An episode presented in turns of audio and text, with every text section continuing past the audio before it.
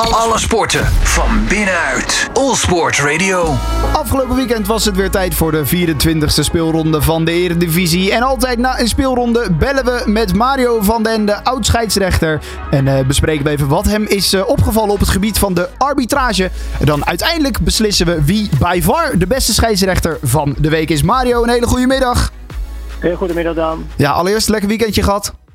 Uitstekend, ja. Ja. Eh, leuke wedstrijden gezien. Met eh, ja, toch ook wel weer verrassende uitslagen. Maar ook weer verrassende arbitrale beslissingen. Nou, inderdaad, verrassende uitslagen, dat kunnen we wel zeggen. Eh, maar met jou hebben we het uiteraard vooral over eh, de arbitrage. Wat is jou allemaal opgevallen het afgelopen weekend? Tuurlijk, wat je wil. Eh, nou ja, goed. Zal ik maar gelijk even van wal steken dan? Jazeker, ga je gang.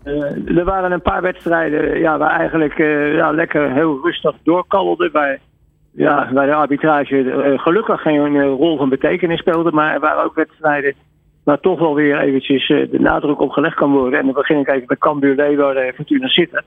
Ja. Eh, de avondwedstrijd, het stond op een gegeven moment 0-1. En toen maakte Benschop van Fortuna Sittard, eh, die dacht eh, 0-2 gescoord te hebben. Maar zijn treffer die werd eh, geannuleerd. Omdat eh, ja, voorafgaand aan de, aan de goal een, eh, een blok werd gezet door Martin Anga eh, tegen Erik Schouten. Ja, Ja, de scheidsrechter stond eh, ongeveer op vijf meter, eh, eh, vond het niks, maar werd toch ingegrepen door de VAR. In dit geval was dat Erwin Blank.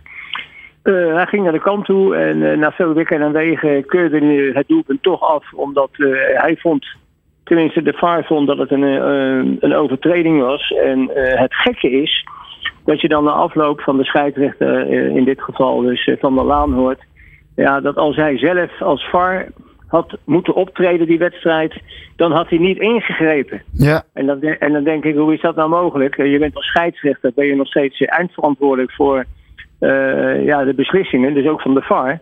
Eh, ook, en, en je kan natuurlijk, als je zijn advies, kun je in de wind slaan. En zeker, dan moet je natuurlijk niet na afloop zeggen van... als ik er had gezeten, had ik niet ingegrepen. Want dan, dan blijkt het dus niet veel te zijn.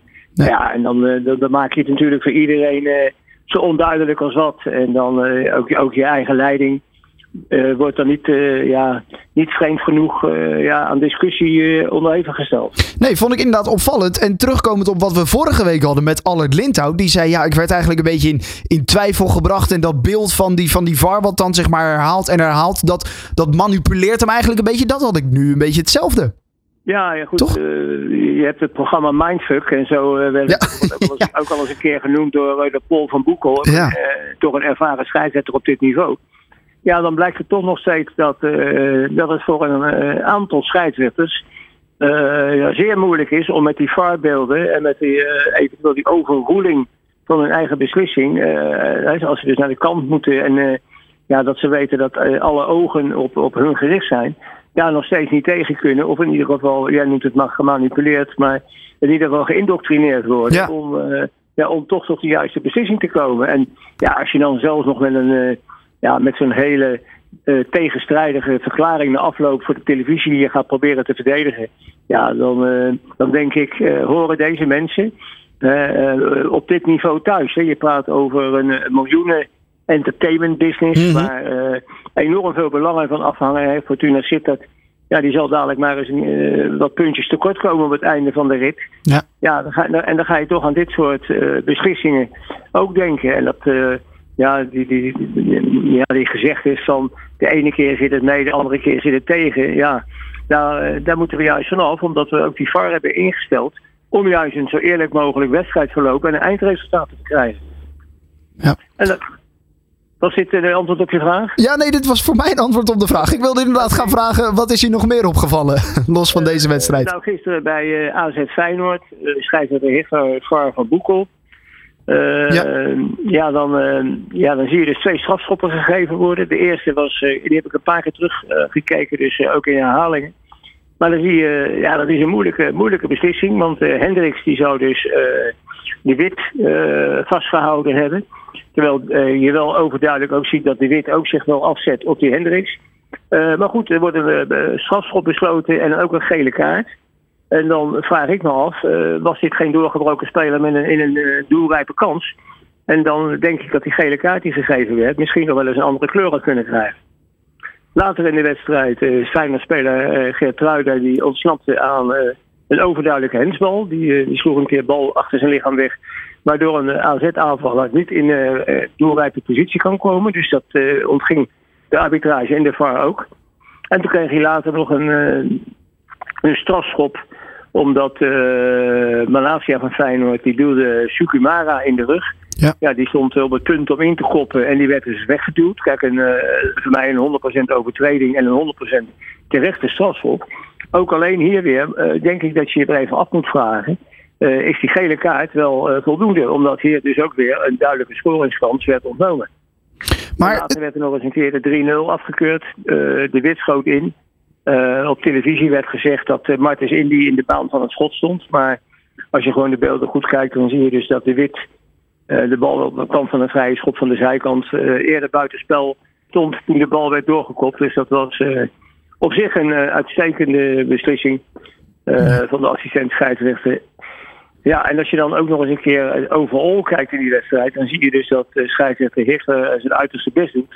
Maar ja, die moet acht keer geel geven en dan uh, blijkt dus toch nog steeds dat in de laatste minuten van zijn wedstrijd er nog steeds geen rust in die wedstrijd is. En dat, ja, dat die spelers eigenlijk nog steeds doen uh, een beetje wat ze willen. En uh, dan, dan vraag ik me wel eens af van.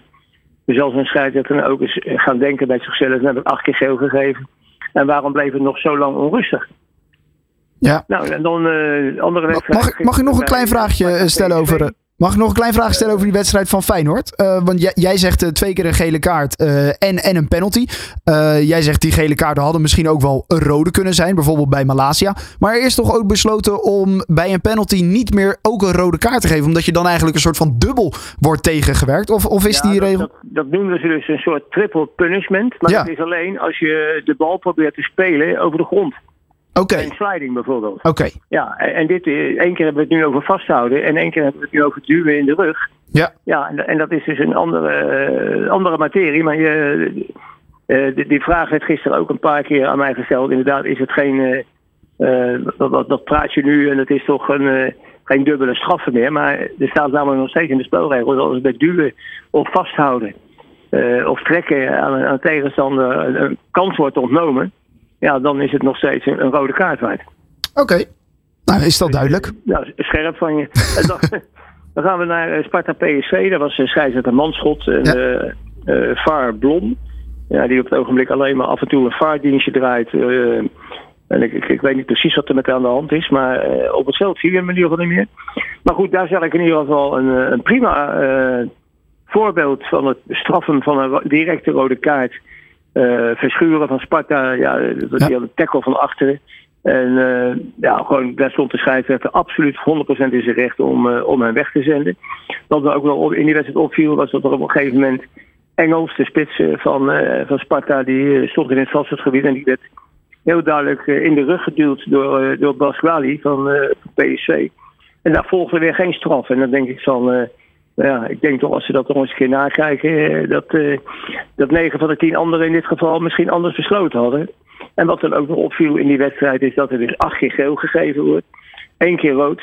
En dat in die wedstrijd er totaal geen rust komt op een gegeven moment. Omdat de scheidsrechter, net als Hichler bij AZ, ja, goede beslissingen met vaak onbegrijpelijke beslissingen afwisselt.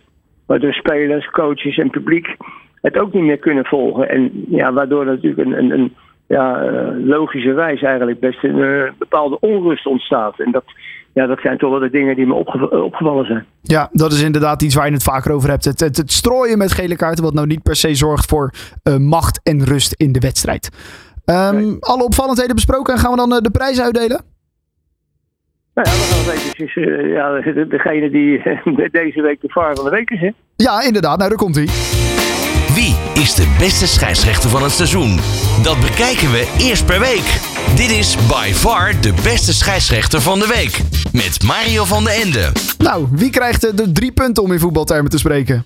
Nou, de drie punten gaat eh, deze week naar, naar Danny Makkely. Die, eh, die floot eh, de Gelderse derby eh, Vitesse eh, tegen NEC.